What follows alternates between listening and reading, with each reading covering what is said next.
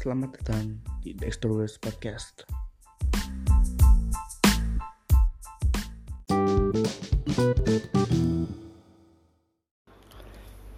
Selamat datang di Dexter Podcast episode yang ke-7 Sekarang 25 Oktober 2019 hari Jumat Jam 8 tepat 8 malam um, uh, Dan gue di segmen pertama ini bahas review UEFA Champions League Match Day 3 dan ada update juga bahwa negara kita Indonesia menjadi tuan rumah FIFA World Cup Under 21 oh sorry Under 20 2021 di Jakarta dan kalau di Surabaya juga. Dan itu gue bakal bahas di segmen utama yaitu segmen ketiga dan nanti gue juga bakal bahas mengenai preview Liga-Liga Eropa Sabtu Minggu nanti. Dan sekarang kayaknya gue bakal bahas uh, UEFA Champions League Match Day 3 reviewnya dan dengan kemarin gue nah, honestly gue nonton beberapa match. Dan seru-seru sih ya. Seru-seru sih match-matchnya. Musim eh musim kan salah tuh. Uh, match day kemarin. Itu emang banyak hasil yang se sebenarnya yang nggak terduga juga kalau menurut gua. Dan gue juga bakal bahas UEFA European League karena gue juga bakal bahas sedikit doang sih uh, UEFA European League. Di mulai kita mulai dari UEFA Champions League match day 3 ada Shakhtar Donetsk dua sama lawan Dinamo Zagreb. Ini menurut gua hasil yang ya biasa aja sih. Padahal di preview kemarin yang gua bertiga gua apa Dinamo Zagreb. Yang gua gua prediksikan bahwa Zagreb bakal menang. Tapi imbang dan ini juga mainnya di Qatar eh di Qatar di di kandang Shakhtar di Ukraina. Dan di tahu gua Dani Olmo main bagus kemarin. Terus Atleti lawan Bayer Leverkusen menang 1-0 Atleti. Hasil positif lumayan buat Atleti. Setelah ya belakangan ini fluktuatif. Manchester City 5-1 lawan Atalanta. Ya ini ya sebenarnya kalau lawan City lu main dengan terbuka dengan ugal-ugalan istilahnya ya lu bakal dibantai juga sih sama City. Ya ini modal bagus sih buat City untuk menatap laga selanjutnya. Terus Galata men kalah 0-1 lawan Real Madrid. Nah ini Real Madrid akhirnya menghapus tren buruk di Liga Champions musim ini. Semoga ya oke okay, apa di match-match selanjutnya oke. Okay. terus Olympiakos 2-3 lawan Bayern. Kalah Olympiakos Bayern menang. Ya udahlah Bayern ke klub Brugge kalah. 0-5 dibantai sama PSG di kandangnya Brugge Tottenham menang 5-0 akhirnya Tottenham setelah kemarin mainnya ngawur banget tuh sekarang akhirnya bisa menang. Lawannya Red Star Belgrade dan Tottenham juga uh, sebelum lawan Red, Red Star berkat gol Dele Ali masih menang lawan Newcastle sih. Uh, terus Juventus lawan Lokomotif Moskow. Ya Juve ya menang. Dan Ajax lawan Chelsea ini gue nonton matchnya. Ajax main sebenarnya ya seperti Ajax biasanya Erik ten Hag main menyerang dan Chelsea juga main menyerang juga. Tapi finishing touchnya decision making pemain Ajax masih ya masih belum. Dan Chelsea dicetak oleh Misi Batshuayi. Ini apa namanya? Super super sub dan Chelsea menang di Johan Cruyff Arena. Ini sebenarnya bukan bukan sesuatu yang yang mudah sih untuk menang di Johan Cruyff Arena. Johan Cruyff. Sorry salah pronounce uh, terus Rasenball Leipzig menang 2-1 lawan Zenit Saint Petersburg ini gue nonton karena lagi gabut juga dan uh, Zenit unggul terlebih dahulu lewat Rakitski terus Leipzig akhirnya si siapa dengan gol pertamanya itu apa gol sangat ciamik one two akhirnya bisa cetak gol penyeimbang lalu gol sangat gol kedua itu gol kemenangan yang sangat menurut gue golnya keren banget. Terus Slavia Praha lawan Barcelona gue nonton. Gol gue lihat match ini gue agak emosi juga sih Barcelona setelah unggul 1-0 di menit ketiga mainnya rada ngablu aja. Maksudnya nggak seagresif seperti masih 0-0 akhirnya dicetak gol Slavia Praha. Tuh Slavia, Slavia Praha mainnya oke okay juga sebenarnya. Tapi ya mereka gak beruntung aja. Dan Barcelona juga sebenarnya mainnya jelek banget kalau terus Red Bull Salzburg lawan Napoli Salzburg kalah 2-3 lawan Napoli. Kalau nggak salah Erling Haaland juga cetak gol lagi. Terus Hank 1-4 lawan Liverpool. Ini ya Liverpool lagi bagus banget sih. Susah juga kalau misal kita mau menggunakan alasan lain selain lagi bagus. Terus Inter Milan 2-0 lawan Dortmund. Inter Milan formnya oke okay sampai sekarang ini. Terus Dortmund juga katanya gosip sih Mourinho mau ke Dortmund tapi mudah-mudahan gak jadi karena gue kasihan sama pemain-pemain kayak Zenis Bernik terus Jeremy Toljan Jadon Sancho, Sergio Gomez kalau dipegang Mourinho jadi bapuk pasti. Jadi lawan Valencia itu sama. Hasil yang ya Valencia lagi lagi drop juga ya kayak hasil hasil yang fair sih buat kedua tim. Benfica lawan Lyon, Benfica menang 2-1. Gua nggak nonton matchnya tapi sepertinya sih matchnya berjalannya monoton aja. Benfica lawan Lyon dan itu adalah review UEFA Champions League match day ketiga dan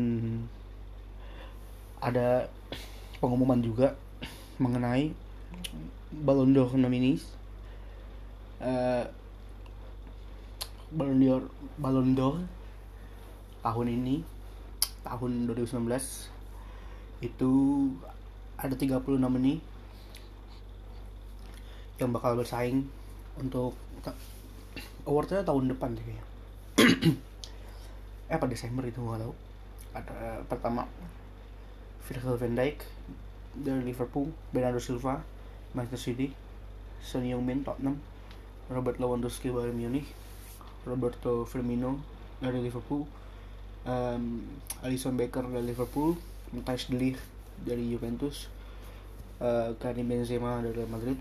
Jorginho Wijnaldum dari Liverpool, Sergio Aguero Manchester City, Frankie de Jong Barcelona, Hugo Lloris uh, Tottenham, Dusan Tadic Ajax, Cristiano Ronaldo Juventus, Kylian Mbappe Paris Saint-Germain, uh, Trent Alexander-Arnold from Liverpool, Donny van de Beek from Ajax, Pierre-Emerick Aubameyang from Arsenal, Marc-André Ter Stegen dari Barcelona, Sadio Mane Liverpool, Lionel Messi Barcelona, Riyad Mahrez Manchester City, Kevin De Bruyne Manchester City, Kalidou Koulibaly Napoli, Antoine Griezmann dari Barcelona.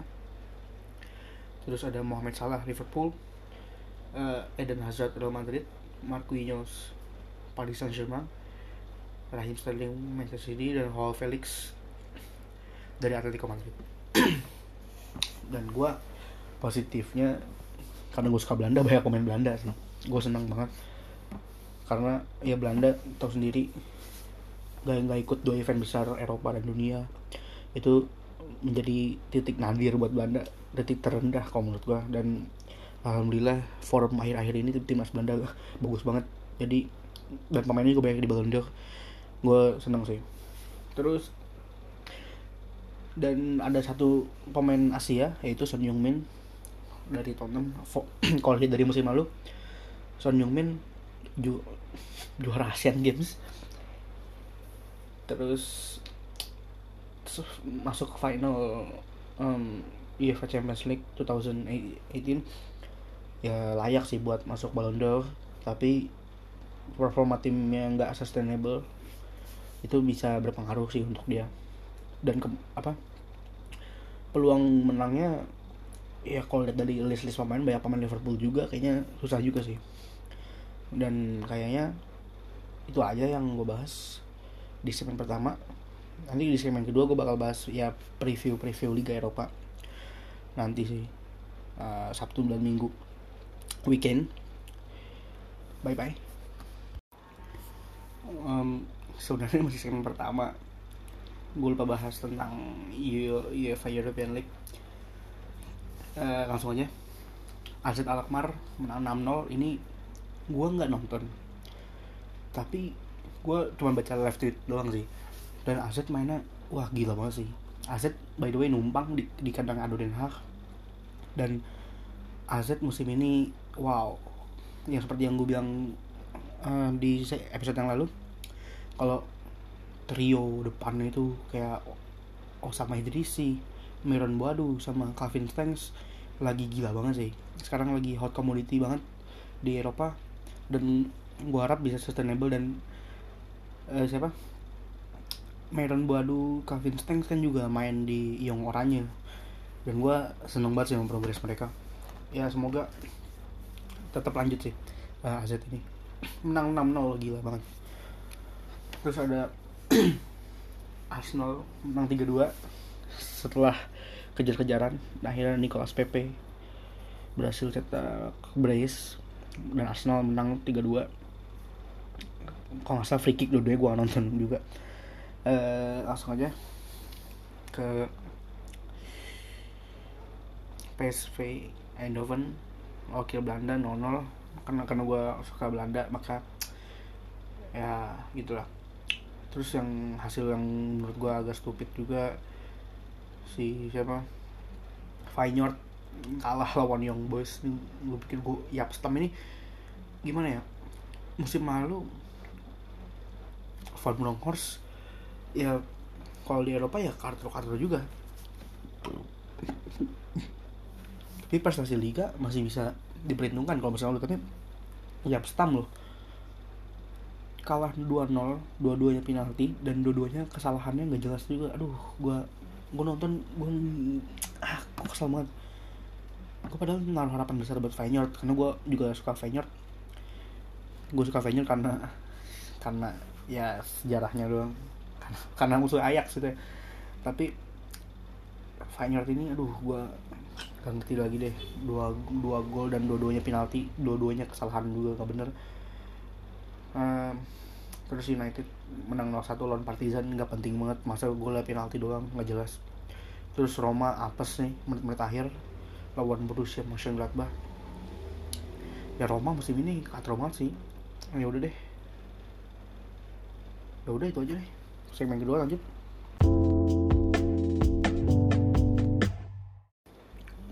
Hmm, balik lagi di Dexter Dexter's Podcast. Aduh susah banget ya.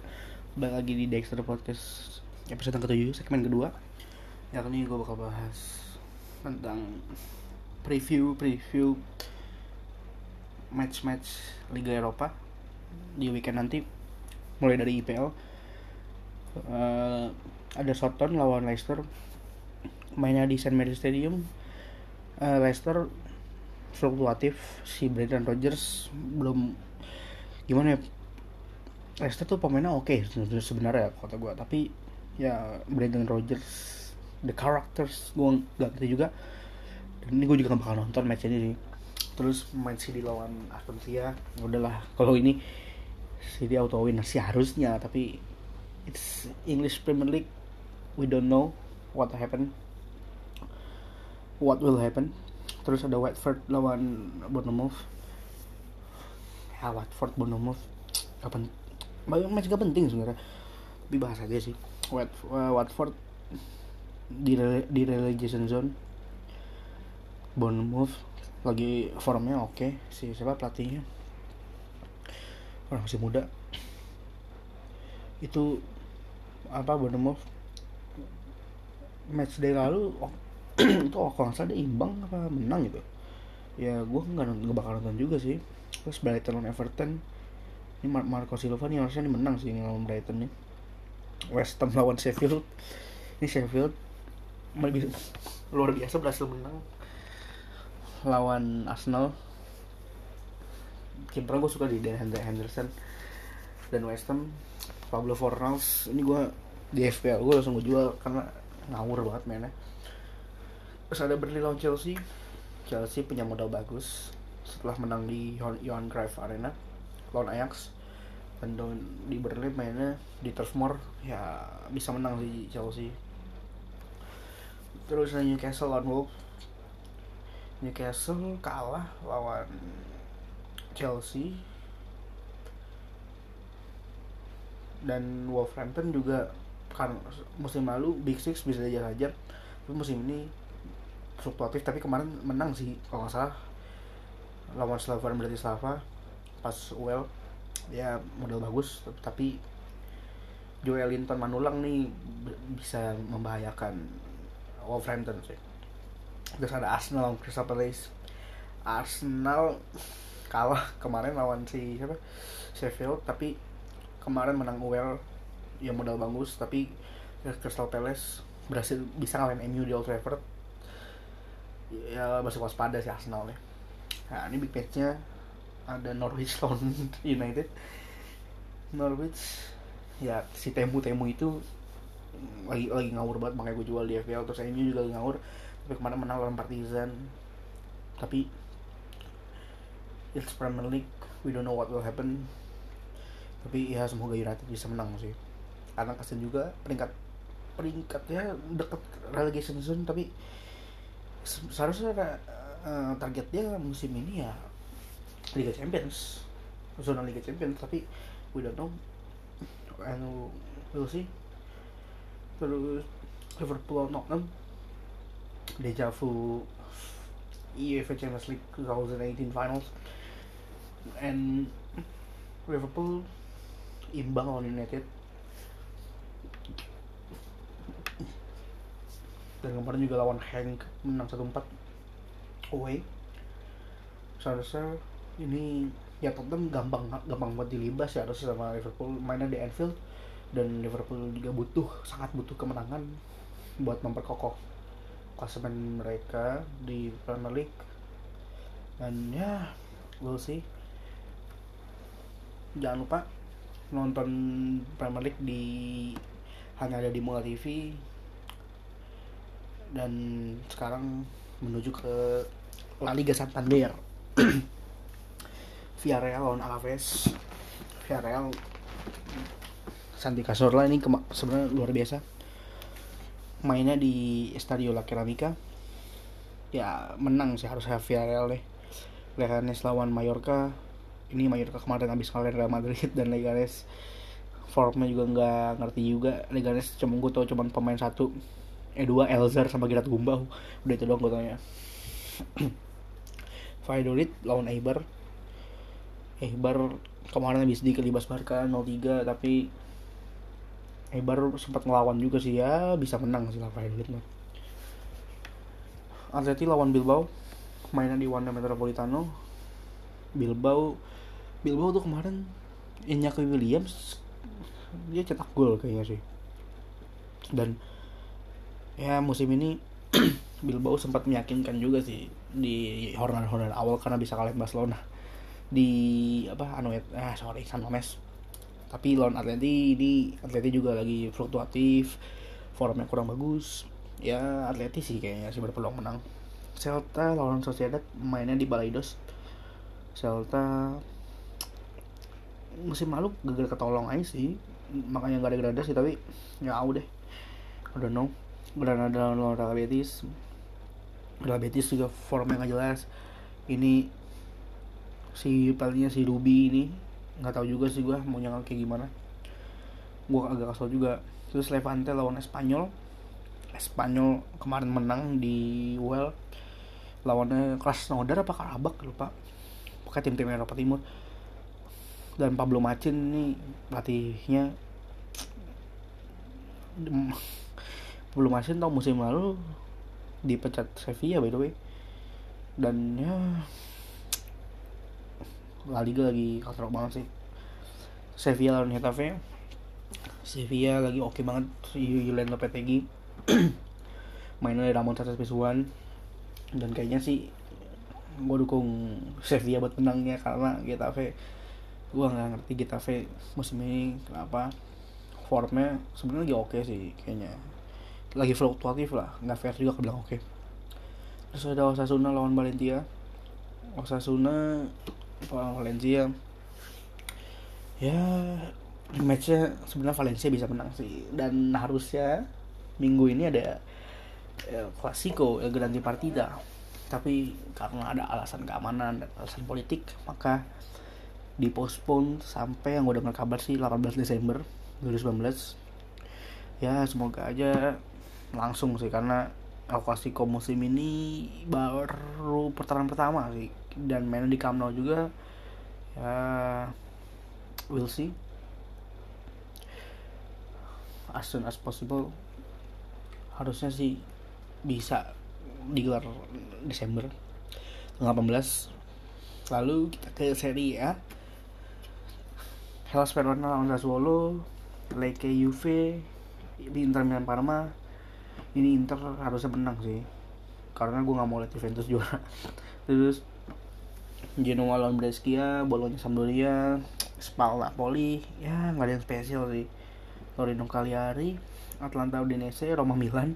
Ini dua tim yang sama-sama lagi katro Milan Bioli Roma siapa? Artinya Roma? Kike Sanchez Flores ya? Eh itu mah Watford ini. Pablo Fonseca harusnya sih ini Roma menang sih mainnya di Olimpico dan Milan lagi katro juga. Tapi Roma kemarin apa saja lawan si Mönchengladbach tapi ya semoga positif sih buat Roma. Terus Fiorentina lawan Lazio.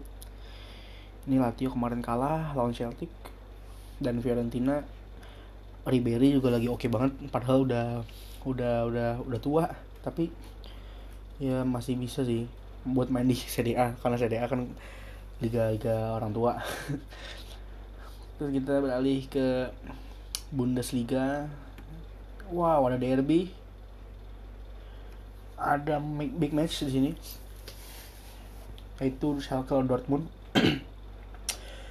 Gue tuh ngikutin Schalke musim ini karena gimana ya gue suka pemain-pemain mudanya sih kayak Amine Harit terus Serdar itu yang gelandangnya yang Turki Jerman.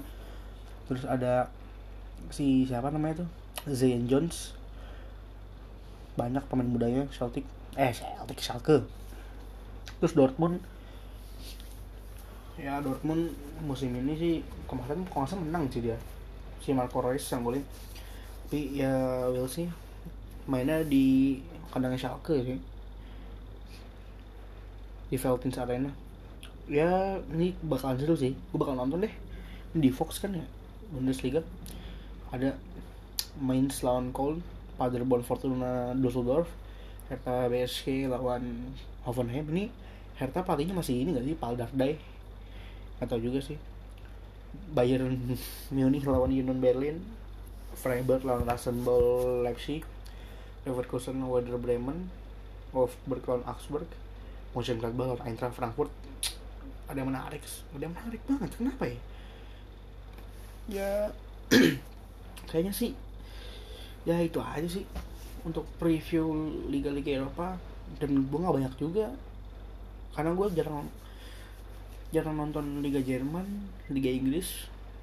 Gue nonton Liga Spanyol paling ya cuma ngikutin match-match di Twitter aja sih. Kalau Liga Spanyol gue sering nonton kayak kemarin gue nonton si Atleti nonton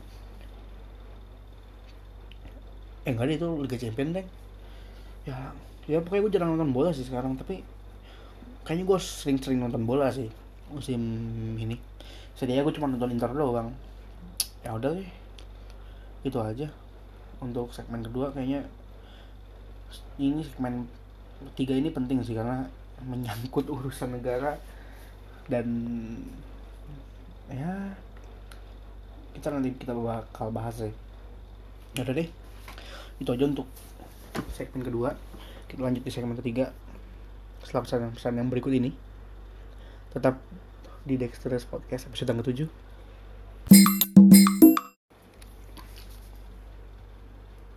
balik lagi di Dexter's Podcast episode tanggal 7 segmen utama yaitu segmen ketiga. Um, Kamis lalu siang-siang gue uh, dengar kabar kalau Indonesia um, disahkan sebagai tuan rumah Piala Dunia U20 FIFA tahun 2021 dan uh, Piala Dunia U20 FIFA itu sendiri mulai tahun 1977 ini kita dari bab satu dulu pendahuluan ya. Um, turnamen ini dua tahun sekali. Terus turnamen ini juga apa banyak menghasilkan pemain bintang kayak Lionel Messi itu pernah juara Piala Dunia U20 dan Piala Dunia U20 ini juga sebagai ajang buat pemain-pemain muda buat show off skill mereka di atas lapangan. Dan dilihat banyak pasti banyak scout scout scout yang bakal datang sih. Dan ini ini juga bakal menarik karena kalau kita lihat dari apa dari ininya jumlah tim itu ada 24 ini dibagi berapa grup berarti kalau itu ya? Ya ini berapa grup? Kalau 24 ya? 4 4 4 4 ada sebentar ada ada 6 6 grup ya. Ya pokoknya itu deh. Dan di sini juga tim tersuksesnya Argentina 6 gelar dan juara bertahannya itu Ukraina. Ukraina kemarin 2019 tahun ini juara.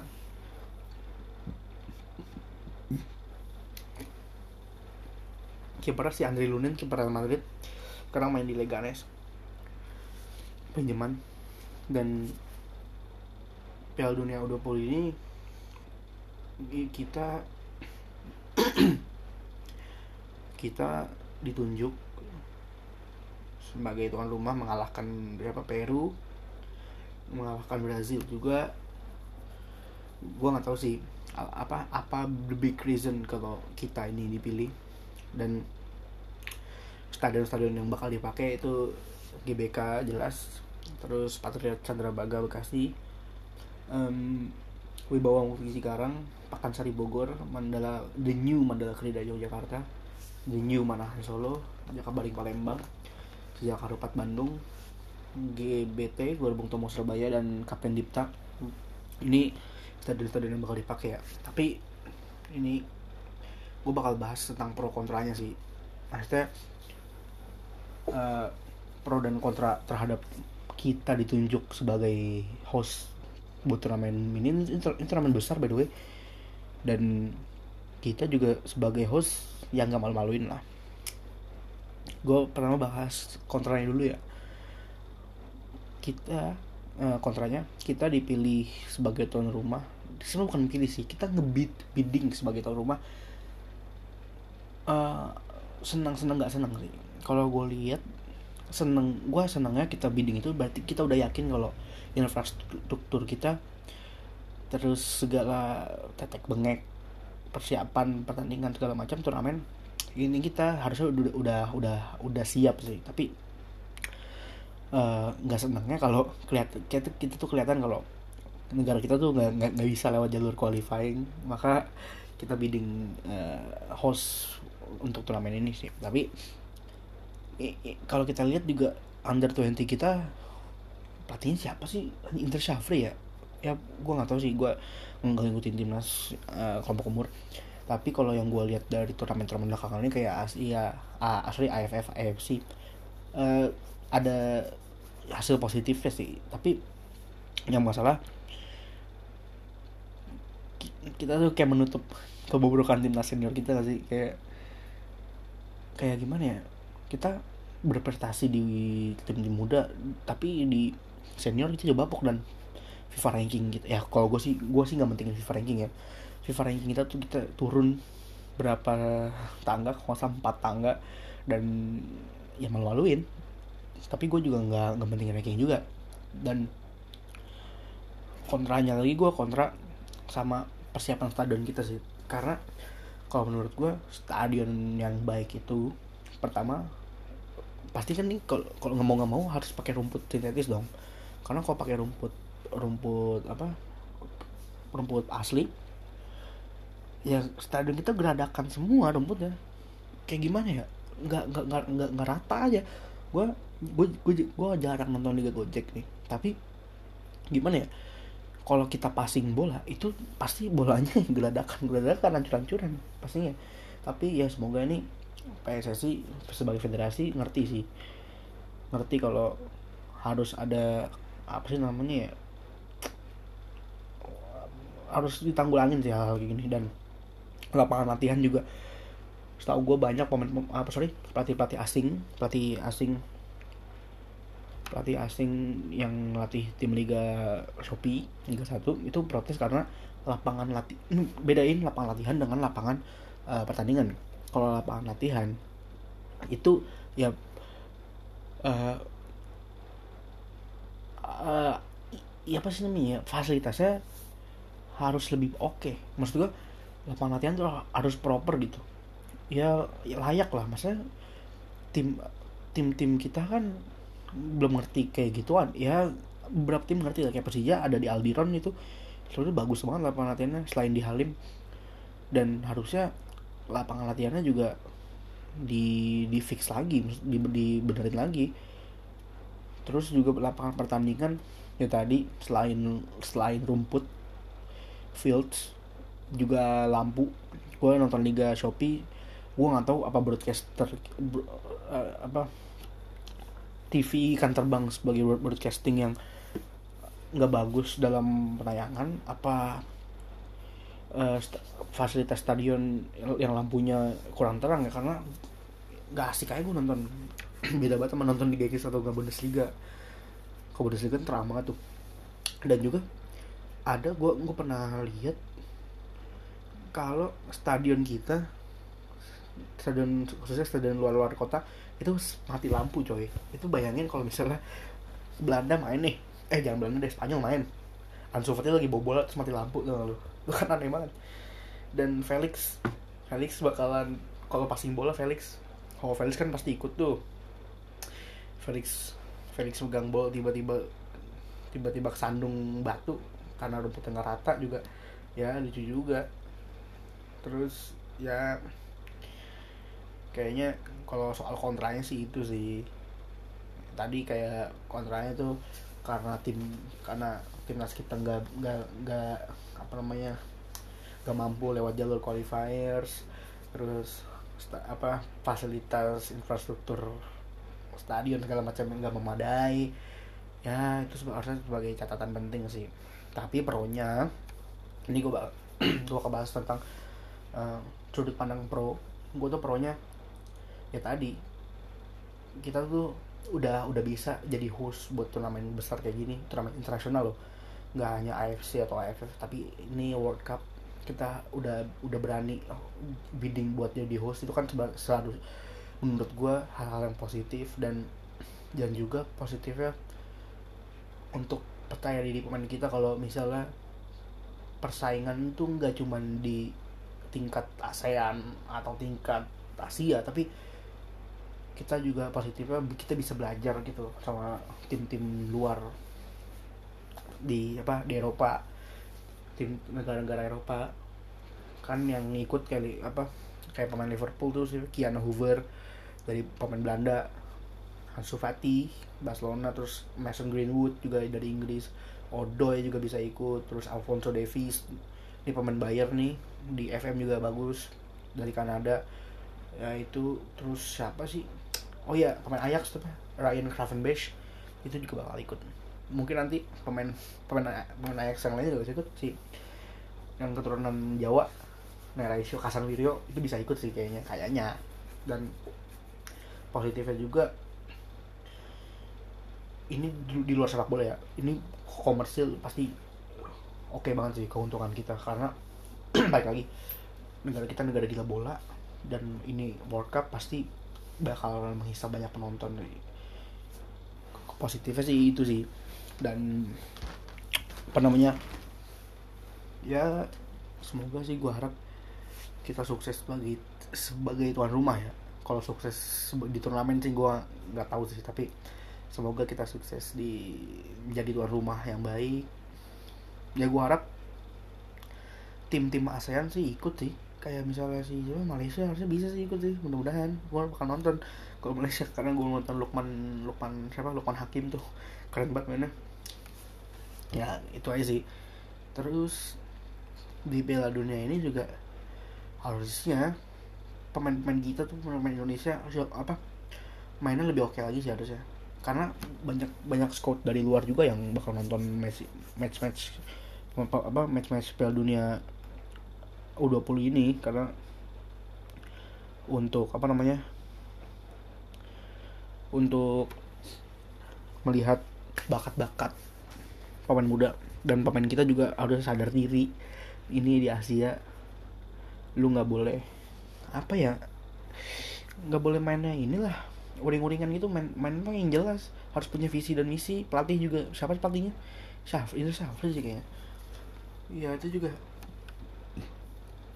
Harus dibenahin dari sekarang sih makanya Piala Dunia ini jadi big momentum buat sepak bola kita khususnya dan kemarin sih gue agak lucu juga ada tweet dari akun Twitter PSSI kalau yang bilang kalau ini prestasi dari uh, apa namanya rezim bukan rezim sih sih. Organisasi PSSI yang sekarang karena bisa mengge bisa menggelar Piala Dunia ya gelar aja belum. Menggelar aja belum lu udah bilang begitu tapi katanya itu dihack sih dan by the way ini juga PSSI itu bukan IO nih bukan event organizer yang cuma ngegelar turn turnamen atau acara dan lu tuh federasi cuy. Ya kalau lu masih bobrok ya susah juga.